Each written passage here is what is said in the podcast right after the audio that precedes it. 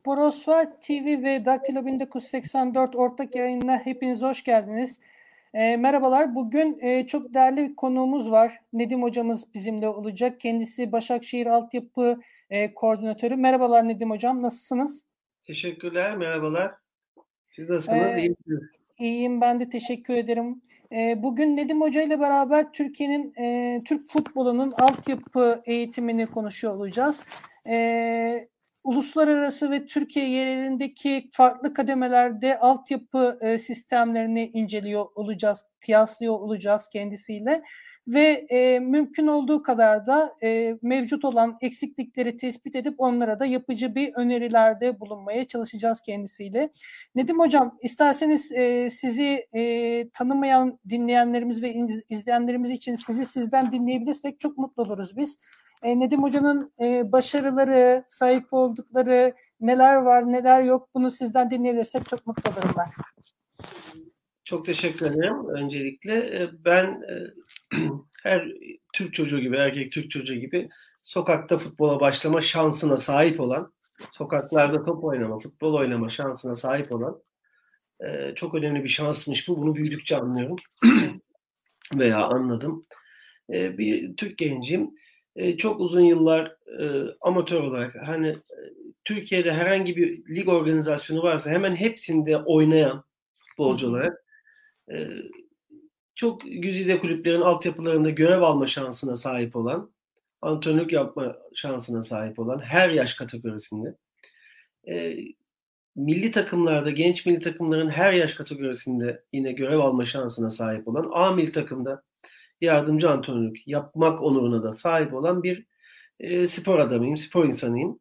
Hı hı. E, bu harika bir şans bu hayatım bana verdi. Çünkü bu sayede her yaş grubundan antren, e, oyuncuyu, her yaş grubunda çalışacak antrenörü yerine kendimi koyma şansını da, fırsatını da elde edebildim. Bunu da işime yansıtmak için e, var gücümle öğrenmeye çalışıyorum, devam ediyorum. Evet hocam. Ee, gerçekten çok e, çok çok saygın bir e, kariyeriniz var gerçekten. E, hem oyunculuk e, kariyerinizde hem de antrenörlük kariyerinizde. Hocam isterseniz e, kısa bir e, hatırlatmayla beraber ben e, hemen size sorularımı yönelteceğim. E, bize soru, düşünce ve görüşlerinizi canlı chatten iletip yayına katılabilirsiniz aktif olarak ve biz de o sorularınızı, düşüncelerinizi, görüşlerinizi Nedim Hoca'ya yans, e, yönelteceğiz ve e, hep beraber ortak bir yayın e, gerçekleştirmiş olacağız. Hocam e, şimdi profesyonel yaşamınızda sizin de belirttiğiniz gibi farklı kademelerde görev aldınız.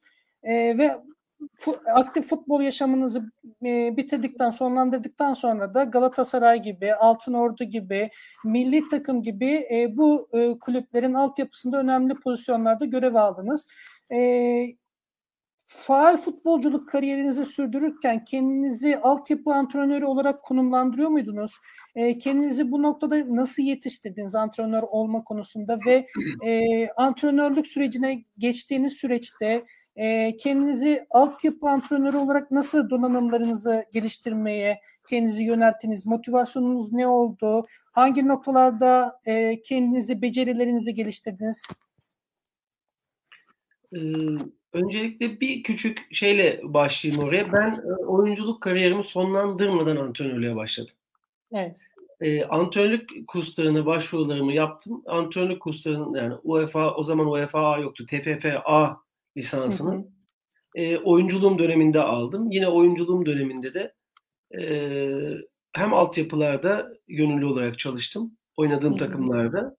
Hı hı. E, sonrasında da bu devam etti. Yani antrenörlüğe aslında antrenör olmaya öyle söyleyeyim. Hani altyapı antrenörü değil. Antrenör olmaya e, oyunculuğumun son 5-6 senesinde karar vermiştim.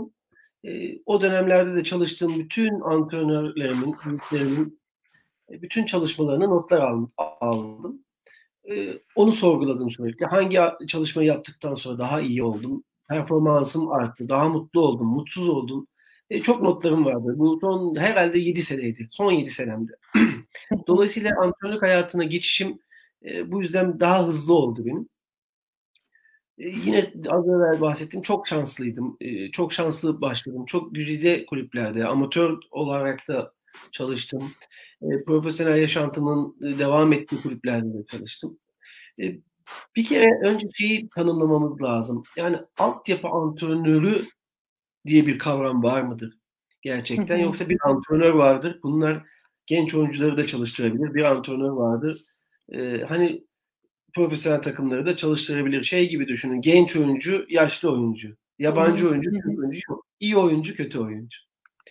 Şimdi e, altyapı antrenörü dediğimiz e, böyle bir vasıf vereceksek bu kavrama e, bir nitelik, nicelik vereceksek şöyle söylemek lazım. İnsan bahçıvanı. Evet. Ben bu tabiri çok severek e, kullanıyorum. Tüm meslektaşlarım adına bunu.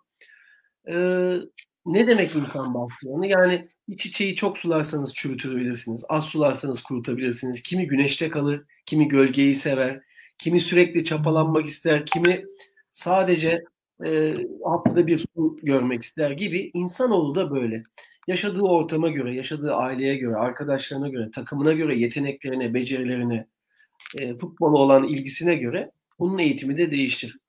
e, velhasıl e, donanımlı, gerçekten mesleki bilgiye, donanıma sahip bir e, sizin tabirinizde altyapı antrenörü tüm yaş gruplarıyla çalışabilir. Fakat altyapı görmemiş, altyapıda çalışmamış bir profesyonel takım antrenörünün altyapıda çalışmasını ben bekleyemem. Açıkçası e, böyle bir ayrımcılıkta bir pozitif ayrımcılık veriyorum bu konuda. E, çünkü yukarıda yani doğal olarak performansa odaklı bir antrenörlük anlayışı vardır. Oyuncunun performansı ile ilgili. Bize nasıl bir performans verdi? En kıymetli şey bu. Halbuki e, insan bahçıvanları yani akademi antrenörleri oyuncunun potansiyelini çok iyi bilirler. Nereye varacağını tahmin ederler, etmeliler. Buna göre bir antrenman ve buna göre bir takımda yer bulma işlemine gidebilirler. Yani demem o ki bir oyuncunun, genç bir oyuncunun potansiyeliyle ilgili bir fikriniz yoksa, bilginiz yoksa onu da altında profesyonel futbolcuların arasında oynatıp oynatmamakta endişeleriniz artacaktır. E, dolayısıyla hep bir eleştiri vardır Türkiye'de. Altyapıdan oyuncu çıkmıyor ya da yeterli oyuncu çıkmıyor diye. Altyapıdan antrenör çıkmıyor mu sorusu hiç olmadı şimdiye kadar. Evet, evet. evet. Ne yazık ki. Aslında çok beraber bir soru bu. Evet. Çok beraber. Yani bahçeye ne ektiyseniz e, ne meyve alacağınızı o bitkiden, fidandan bilmeniz lazım. Bunu evet. ekmeden bilemezsiniz. Yani sadece bir yeşil fidan var. Bu ne ağacı? Onu ancak eken bilir. Buna sormak lazım. Belki de bir soruna buradan çözümle başlayabiliriz. Evet, zaten benim de bu soruyla başlamamın e, sebebi buydu. Gerçekten e, eğitmenlerin hangi yetkinliklere sahip olması gerektiğini biz tespit etmeliyiz ki e, altyapılarımızı dizayn ederken o eğitmenlerin e, sahip oldukları yetkinliklerle, olgun yetkinliklerle beraber de çocuklarımızı yetiştirmemiz gerektiğini düşündüğüm için zaten bu soruyla başladım. O yüzden siz de gerçekten e, rol model olması gereken e, bir insan olarak sizden e, bu yetkinlikleri dinlemek de bizi e, mutlu etti hocam. E, teşekkür ederiz düşüncelerinizden dolayı. Arkasından hemen ben şöyle bir e, soru yöneltmek istiyorum sizlere. E, sizin de bahsettiğiniz gibi Türkiye liglerin farklı kademelerinde e, hem antrenör hem e, oyuncu olarak görev yaptınız. E, orada da ister istemez bir gözlemleme şansınız olmuştur hocam. E, sizin zaten hem yerel örneklerde hem uluslararası örneklerde altyapıları ne kadar çok detaylı bir şekilde incelediğinizi de biliyorum zaten. O noktada e, Türkiye'deki ve Avrupa'daki farklı kademelerde e, görev yapan, hizmet veren altyapılar, akademiler konusunda sahip oldukları olanaklar ne düzeyde e, ve o olanakları nasıl kullanıyorlar? Bu konuda bir kıyaslama yapabilir miyiz acaba? E, tabii yani bu kıyaslama yaparken e, çok yaralanarak yapıyorum çoğu zaman. Hı hı. E, yetenekli oyuncu kısmında hepsinden ben önde olduğumuzu düşünüyorum. Çok net ve bunu çok iddialı söylüyorum. Türkiye yetenekli futbolcu sıkıntısı çekmiyor, çekmeyecektir de. E, fakat bu yetenekleri sahaya e, işte performans olarak götürebilme kısmında eksiklerimiz olduğu da bir gerçek. Çünkü bu tespiti, bu teşhisi yapmamız lazım. Ya teşhis olursa tedavi başlar. Evet. Bunu e, önce kendimize itiraf etmemiz lazım. E, geçen e, 2019'u sanırım Avrupa Kulüpler Birliği işte genç futbolu ile ilgili yaptığı bir ankette 123 kulüp katılıyor bunu Avrupa'da görev yapan. Hı hı. 123 kulübün yaptığı ankette ilk sorunuza geliyorum. Antrenörde ne gibi özellikler arıyorsunuz genç futbolcularla çalışan diye? Hani e, futbolculuktan gelmiş olması gerekli mi? Bu çok yaygın bir şey bizde. E, bunu şöyle özetlemek istiyorum. Bir aynı iyi futbolcu, kötü futbolcu. Hani genç yaşta ayırmadan antrenör olarak gördüğümüzde öncelikle birinci kuralın bence e, çocukları, gençleri sevmesi ve bu işe kendini vermesi lazım. Her meslekte olduğu gibi. Samimi olması lazım. Empati yapma yeteneğine sahip olması lazım. Daha özetle iyi insan olması lazım. Bu neden bunu söylüyorum üstüne basa basa. Ben de 17 yıla yakın profesyonel futbol oynadım. 17 yıl profesyonel futbol oynadığım için iyi antrenör olma hakkına sahip değilim. Nasıl ki ben e, bu yaşa kadar e, yemek yedim düzenli olarak bir uzman diyetisyen Nedim Yiğit yazamıyorum. Nefes aldım, nefesler verdim, koşular yaptım, dahiliye doktoruyum artık diyemiyorum isem. Futbolu bitirdiğimde ben iyi antrenörüm diyememem lazım. Bir eğitimini alırsak, bununla ilgili becerilerimiz varsa ki bence antrenörlük önemli bir beceri Kesinlikle. isteyen bir meslek. Ee, ve çalışıyorsan bununla ilgili pek tabii ki bunca yıl oynamışlığım, futbol oynamışlığımın bana çok önemli katkıları olacak. Çünkü bir sürü duyguyu tanıyorum ben bazı yani futbol oynamayan arkadaşlarıma göre artım varsa bir sürü duyguyu tanımam. O yaş grubunda o çocuğun yaşadıklarının birçoğunu yaşamış olmam. Antrenör olarak o yaş grubunda eğitim yapıyor isem bir sürü o antrenörün yaşadığı e, sorunları, çözümleri, problemleri neyse bunun ismi yaşıyor, yaşamış olmak benim büyük avantajım. E, bunu böyle e, anlatıp ifade etmek istedim. E, o 123 kulübün anketine geldiğinde de yüzde seksen antrenör seçiminde iletişimi kuvvetli, bildiğini aktarabilen insanlardan seçilmeli diye bir sonuç çıktı. Evet. E, çok doğal aslında söylediklerimizde bazı şu. Burada dediğim gibi eski oyunculuk, yeni oyunculuk işte bunların hepsinin üzerinde bir şey bu. Eğiticisiniz siz bir kere. Hı hı. Ve o çocukların, o çocukların hepsi bir ailenin en değerli varlıkları. Buna bu gözle bakamadığımız sürece zaten bu işi yapamayız. E, dolayısıyla en hayatlarına belki ailelerinden daha fazla tesir etme gücüne sahip oluyoruz antrenörlük yaparken. E, bunun önemini bilerek, bu sorumluluğu alarak da e, çalışmak lazım. Farklarımız neler? Avrupa'daki akademilerle gerçekten hepsinin, hemen hemen hepsinin yani tesisleşme konusunda bizden önde olduğu ortada. E, bizde de mesela bir stadyum hamlesi biliyorsunuz. Belki dünyada örneği yoktu. O 40'a yakın stadyum yapıldı. Harika iştir bu. E, evet. Dünya örneği yoktu. Fransa Avrupa Şampiyonası'nda galiba iki tane bir stat yaptı, bir tane de yeniledi. Hocam Polonya'da böyle bir hamle oldu. 2018 Avrupa Şampiyonası öncesinde. E, onlar da tabii bizden daha az. Sanırım 24 e, stadyum inşa ettiler. Onun dışında da sizin belirttiğiniz gibi bir örneği yok. Uzun vadeye yayılan örnekler doğrultusunda. Evet. Peki bu stat hamlesi harika bir iş. Evet Kabul ama ediyorum. üst yapar. Ee, ama stat nedir biliyor musunuz? Yani e, siz tarlada ekiyorsunuz, biçiyorsunuz. Stat onun hafta sonu hani haftada bir gün pazarlar kuruluyor evet, ya. Evet, sunma evet. yeri, satma yeri. Kesinlikle. Tarla tarla tarla da lazım. Bundan daha kuvvetli bir hamleyi tüm büyüklerimizden istirham ediyorum. Bundan daha büyük bir hamleyi e, tesisleşme için kullanmamız lazım. Yani tarlalarımız için kullanmamız hı hı. lazım. Hı hı. E, bu e, önemli bir eksiğimi kıyas yaptığımda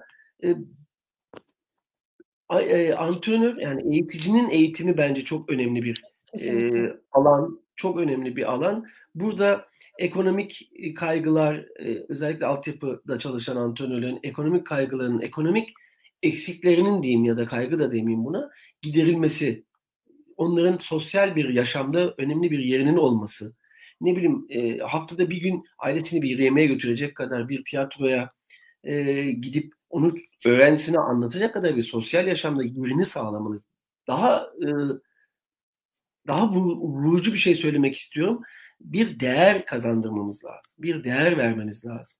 Bu değer verecek o kadar alan var ki bunun hepsi maddi olarak değil sevgili Türkiye. Yani ne bileyim A takımın maçının oynandığı stadyumda altyapı antrenörünün en güzel yerde ve altyapı oyuncusunun en güzel yerde bir yeri olmalı, konumu olmalı. Bu bile bir değer. Yoksa hani e, Türkiye'de ya da herhangi bir akademide ya da bir ülkede oyuncunun çıkıp çıkmayacağını e, belli maaşlara çalışan bir akademi antrenörünün ya da personelinin üzerine bırakamazsınız, bırakmamalısınız.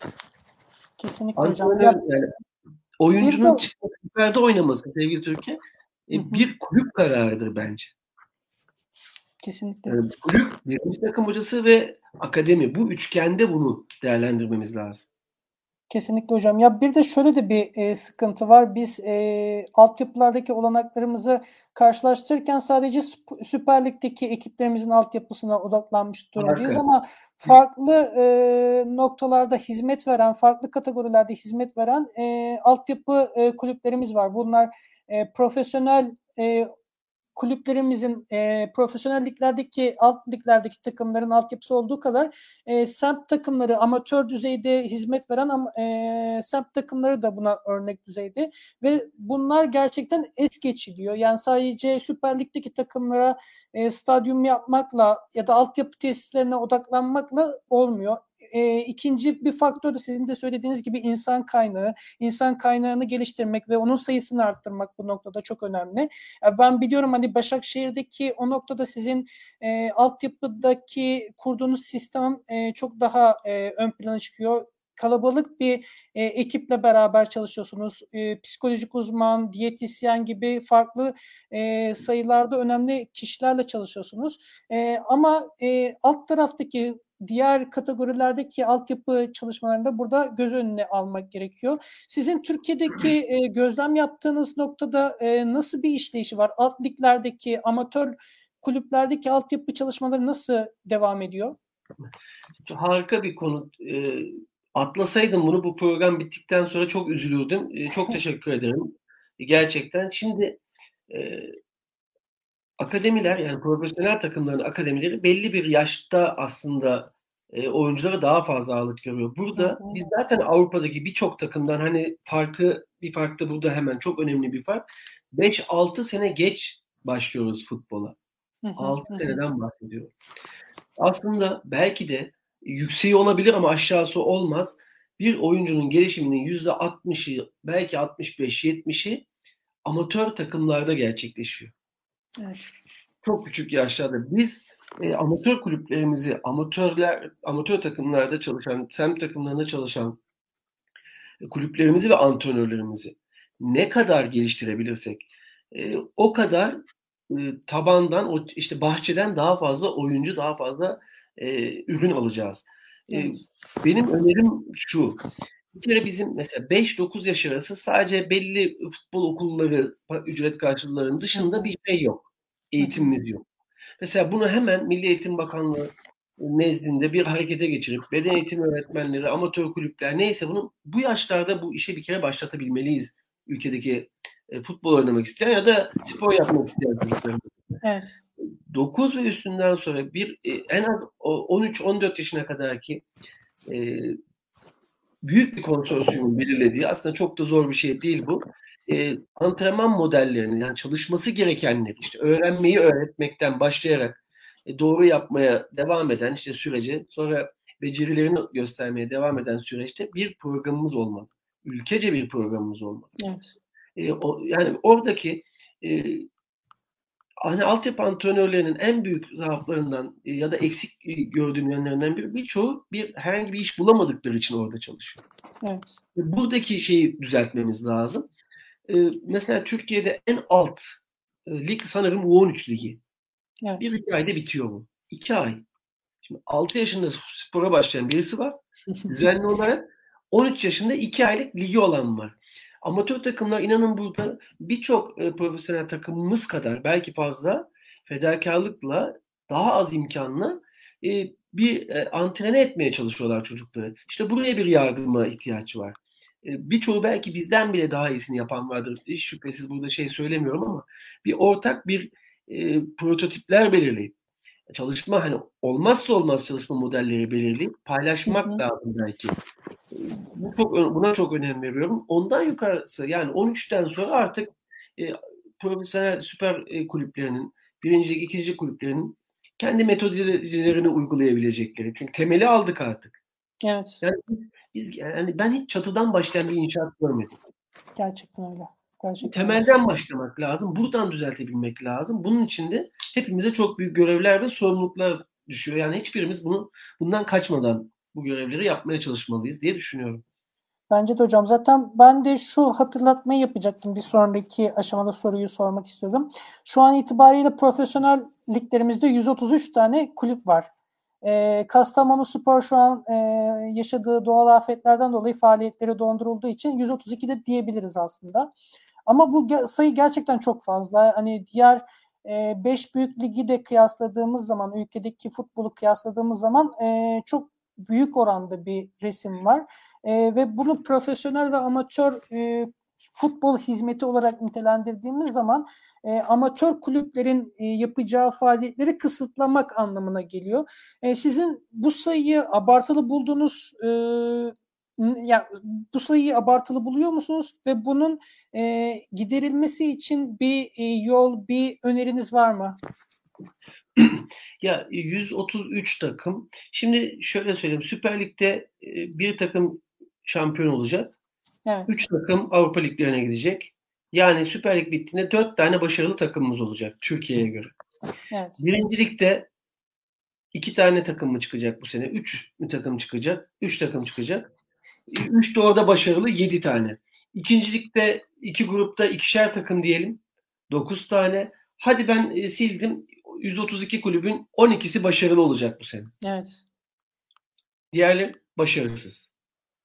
Öyle değil mi şimdi? Direkt sonuç bu. Yani o zaman bizim bu Türkiye'deki perspektifte evet. Biz başarılı ben, odaklı bir perspektife sahip olduğumuz için evet. evet. Ben diyorum ki takım sayısından daha önemli sorunumuz bence şu. Ee, bunun birçok örneği var. Ya doğru yapan bir ülke 130 yapmış, birisi 25 yap, Almanya'da 36 idi galiba. Ya, evet. Şimdi burada esas mesele şu. Bu başarının adını değiştirirsek, yönlendirmelerimizi, yönelimlerimizi değiştirirsek aslında büyük bir problemi çözebiliriz. Yani 130'da 120 takım başarısız yani şu sonuçlara göre başarısız ise zaten vay halimizi. Nedir başarının adı? Sadece 1, 2, 3 işte Avrupa Kupası değil. Ne bileyim iyi oynamak. İyi oynayarak seyircinizi, taraftarınızı, sponsorunuzu çoğaltmak. Evet. E, altyapınızdan oyuncuları daha fazla oynatan takım olmak. Genç oyuncu alıp e, üstünün tozunu sil, e, silkeleyip daha üst değerlere başka kulüplere satmak, Avrupa'ya evet. satmak, milli oyuncuyu çok çıkartmak. Bakın o kadar yayabiliriz ki bu başarıyı. Bu başarı yayılırsa o zaman bu 130 kulübün belki 70-80 tanesi başarılı olacak.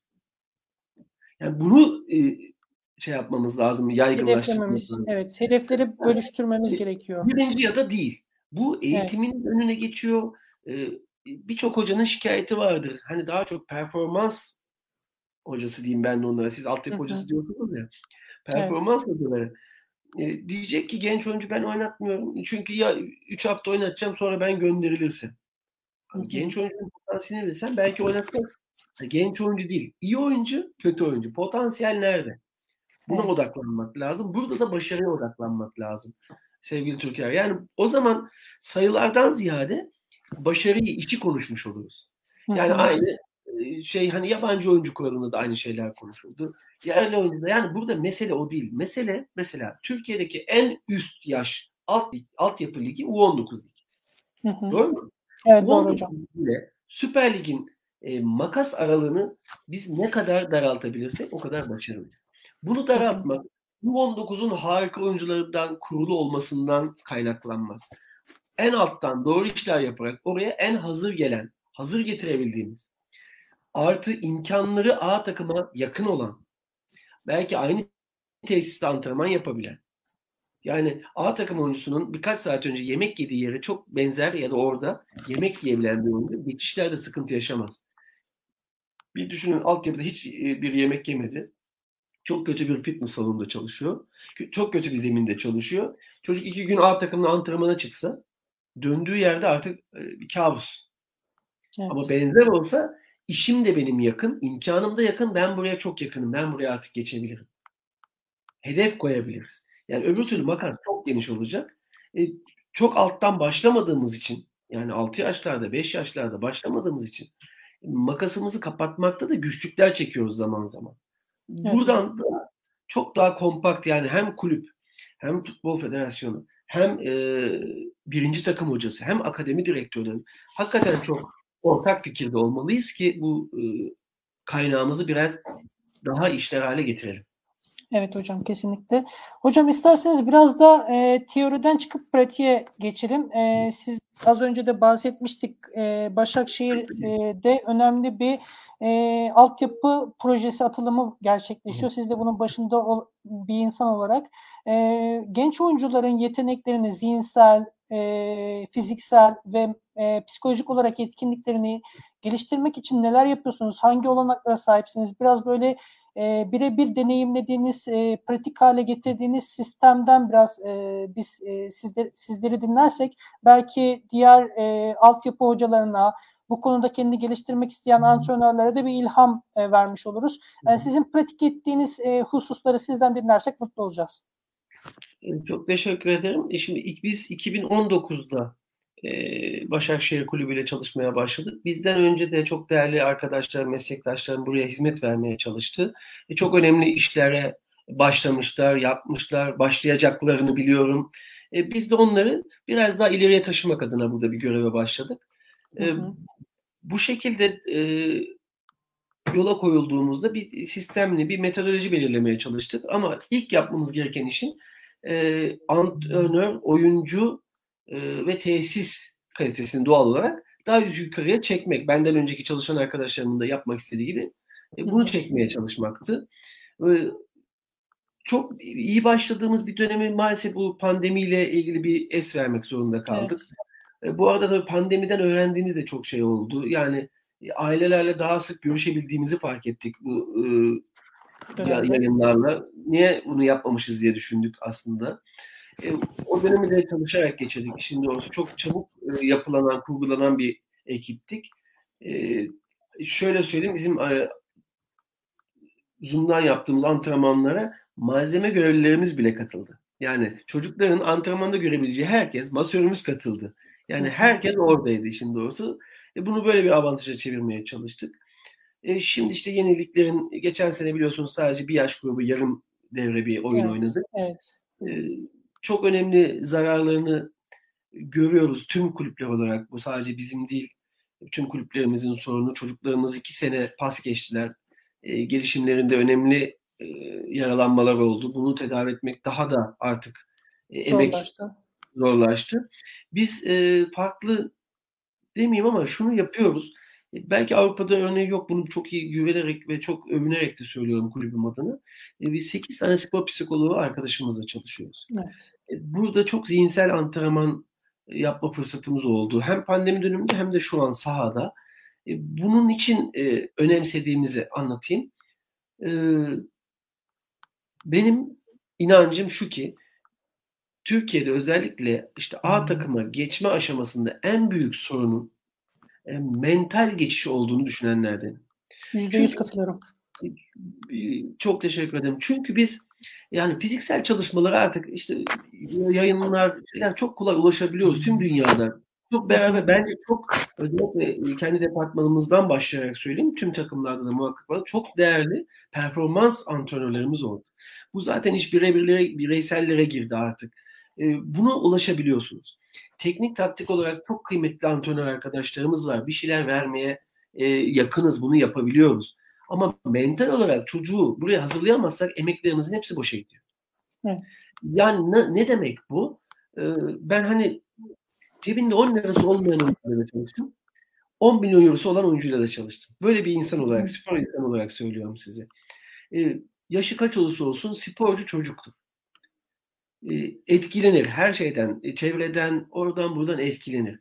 Bizim bu çocukları e, işte bir gün metrobüste idmana gelen çocuk bir ay sonra, iki ay sonra profesyonel olduğunda altındayız. Son model bir arabayla gelecek. Bakın bunu yönetmek bile zor. İnanın zor. Hani evet. demin dedim ya yukarıda çok güzel bir imkanda idman yaptı çocuk.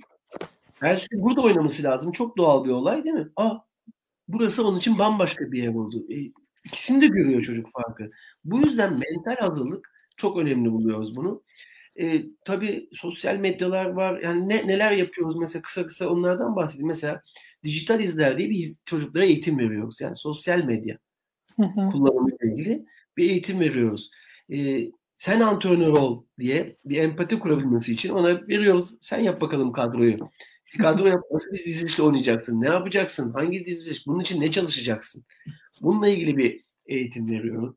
Aklıma gelenlerden mesela maç sonu röportaj yaptırtıyoruz onlara.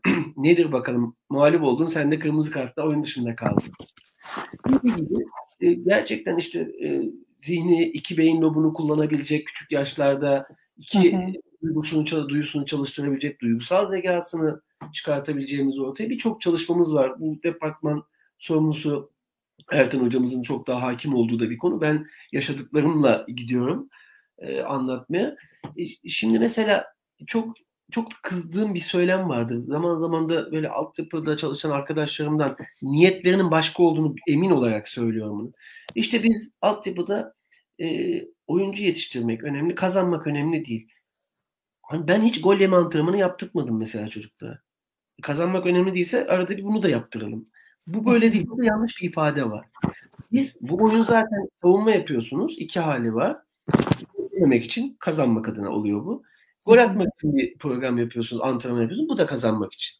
Biz kazan doğru kazanarak, doğru oynayarak, e, rakibe saygı duyarak, işime saygı duyarak, antrenörüme, rakip antrenöre, hakeme saygı duyarak kazanmayı öğretmeye çalışırken kaybettiğimizde e, kaybettiğimizde kaybettiklerimizi kazanmak istiyoruz. Evet. Yani kaybedersem nasıl kaybettiğimi bulacağım. E, bunları nasıl gidereceğim? Bu bir fırsat antrenör için. Bir hata varsa telafi etmek yani onun doğrusunu öğretmek bir fırsattır eğitimci için.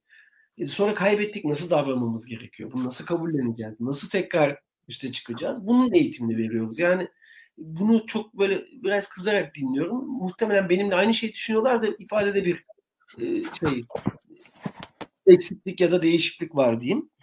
E, teknik taktik anlamda hani çok e, siz mi A takıma göre oynuyorsunuz? A takımdan işte size aynı oyunu oynamanız mı isteniyor gibi çok Türkiye'de yaygın bir şeydir. Yine söylüyorum bu çok uzun zaman alan bir şeydir. Hani e, Ajax bir Real Madrid'i elediğinde Türkiye'nin %30'u Ajax modeline geçiyor. Bir tane daha elediği zaman %60 oluyoruz. Yani 3 takım elerse Ajax Türkiye kurtuluyor. Yani yok böyle. yani Ajax modeli falan hani bir kere kendi modelimiz olmalı. Biz başka insanlarız. Başka coğrafyada yaşıyoruz. Başka geçmişimiz Kesinlikle. var. Başka. Kendi planlarımız olmalı. Bize yatkın, bize uygun. E, ben mesela Türk oyuncusu bazı antrenman modelleri üzerine çalışıyorum arkadaşlarım. Gerçekten söylüyorum. Yani bunu çok kez anlatmışım da iki tane Alman stopere e, dese ki hocası 5 dakika paslaşacaksınız kenar oyuncumuz içeri koşana kadar. 5 dakika paslaşın. Bizim oyuncu ikinci saniye kanı kaynar yani. Bunun sıkılır. Evet.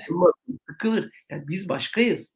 Bunu evet. da bilmek. Bunu güç haline, çok haline getirmemiz lazım. Bunu üzerine de ee, ben biz teknik taktik olarak e, A takımımızda, hocalarımızla benim şansım e, hocalarımla direkt iletişim kurabiliyorum. Sağ olsunlar şimdiye kadar bütün çalıştığım hocalar bu konuda bana kapılarını hep açtılar. Fikir alışverişi yapıyorum. Ee, çalışmalarından kesitler, uygulatmaya çalışıyorum. Yaptıklarımızı ifade etmeye çalışıyoruz. Bu konuda bu kulüpte hiç sıkıntı çekmedim. E, bunu net söyleyebilirim. E, fiziksel anlamda Osman Hoca var. Gerçekten bu işte Türkiye'nin en iyilerinden. E, geçen 2019'daki çalışmamızda o çünkü en yaygın çalışmamız oydu. Avrupa'daki birçok takıma göre sakatlık konusunda e, adele sakatlıkları, bazı darbeleri söylemiyorum. Çok çok iyi durumda olduğumuzu gördük. Onlardan aldığımız verilerle. E, şimdi de mesela bir e, bir haftalık e, antrenman öncesinde sakatlık, sakatlanma ihtimali üzerine bir üniversitede e, çalışma yapıyoruz. E, TÜBİTAK onaylı. Bu da Ocak'ta başlayacak bir alette. Yani sürekli gelişmeye gayret ediyoruz. Devam ediyoruz. Bu gelişme yolculuğunda da sürekli kulübümüzden destek alıyoruz. E, bu benim çok bu benim için çok büyük şans. Her akademi direktörü böyle bir şansı elde etmek için e, elde ettiğinde çok mutlu olur. E, bizim şu ana kadar hani bu metodolojiyle e, gelişmeye çalıştığımız, öğrenmeye çalıştığımız işler bunlar. Şurada çok hemfikiriz bütün e, akademideki hocalarımızla. E, galibiyet çok keyifli bir şey tabii ki. E, galipken e, kaygı düzeyiniz daha düşük olduğu için öğrenmeniz daha hızlanabilir. Bunların hepsi güzel şeyler ama e, bizim için e, mutluluk kaynağı galibiyetler değil. Galibiyet için verdiğimiz mücadele, verdiğimiz emekler, e, yaptığımız çalışmalar. Biz burayı mutluluk olarak adlandırdık. Az evvel hani başarının adını değiştirmek şeyle burada odaklandık. Bu yüzden de e, çalışmak istiyoruz, çalışıyoruz, öğrenmeye gayret ediyoruz akademi olarak. Bu yüzden de mutluyuz. Hocam yani çalışmalarınızı gerçekten ben de çok e, takdirle takip ediyorum. E, özellikle yaptığınız zihinsel çalışmalar, psikolojik çalışmaları çok önemsiyorum. Çünkü Türkiye'deki en büyük e, eksikliğin bu olduğunu düşünüyorum. Hani özellikle spor nezdinde. Çünkü e, Türk toplumunun kuşaklar öncesinden gelen e, toplumsal yaşama konusunda bazı travmaları var. Rol dağılımları konusunda, e, kişilik konusunda, kendini ifade etme konusunda bazı travmaların olduğunu düşünüyorum ve bu kuşaklardan kuşaklara aktarılan bir döngü haline geliyor. Siz de bu noktada e, sporcularınızı zihinsel ve mental anlamda geliştirmeye çalışıyorsunuz. Onların kişiliklerini, rollerini benimsetmeye çalışıyorsunuz. Bu benim gerçekten çok önemsediğim bir husus. Bundan dolayı da sizi çok e, takdir ediyorum, teşekkür ediyorum özellikle. Evet. ben küçük bir husus hakkında bilgi almak istiyorum. Başakşehir Akademisi'nin şu an sadece İstanbul'da faaliyet gösteriyor. Sanırım Türkiye'nin diğer illerinde bir faaliyet göstermiyor. Bir de Balat'taki tesisler yakın süreçte sanırım Başakşehir'e taşınacak. O konuda da küçük bir bilgi verebilirseniz sevinirim. Çok teşekkür ederiz. Bizim e, tabii Başakşehir bölgesinde hemen konuşmanın başında söyledim. A takımla iç içe olmalı akademi. Hele de üst yaş grupları. E, çok önceden yapılan bir planlamanın e, şu an benim dönemimde gerçekleşiyor olmasının mutluluğunda yaşıyorum. Gerçekleşecek olmasının mutluluğunu yaşıyorum. Şu an e, hemen stadyumun yanında A takım tesisimiz, antrenman tesisimiz. Onun yanında akademi tesisimiz başladı. Daha doğrusu iki sağlık yerimiz düzlendi. Yani bu sezon sonuna e, en az o iki ve lokalimiz bitecek, konaklama yapacağımız yer, idari binalarımız bitecek. Daha sonra diğerleri devam ediyor çalışmaya. E, bu bizim için şöyle çok kıymetli. E, biz kendi interlandığımızı, kendi bölgemizdeki e, oyuncu gruplarını, amatör takımlarını kullanmak istiyoruz. Yani biz e, niyetimiz akademimizde oluş akademist takımlarının yüzde 65-70'ini o bölgeden oluşturmak ki bu kaynaklar orada Oradaki 7-8 tane takip ettiğim amatör takım bu konuda çok maharetliler her biri. Yeni tesisimizle beraber e, onlara da e, bu burada imkanlar sunmak istiyoruz. Dolayısıyla da o bölgeyi de kalk, kalkındırmak istiyoruz bu anlamda. E, Balat tabii e, bu kulübün mahallesinde çok önemli bir yeri var. E, oradaki durumumuz hani orayı ne olacağını bilmiyorum ama biz E, Başakşehir'e konu, konuşlanmamız bizim için çok önemli.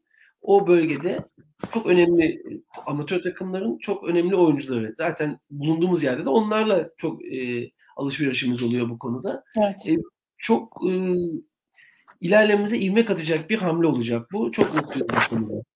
Evet hocam.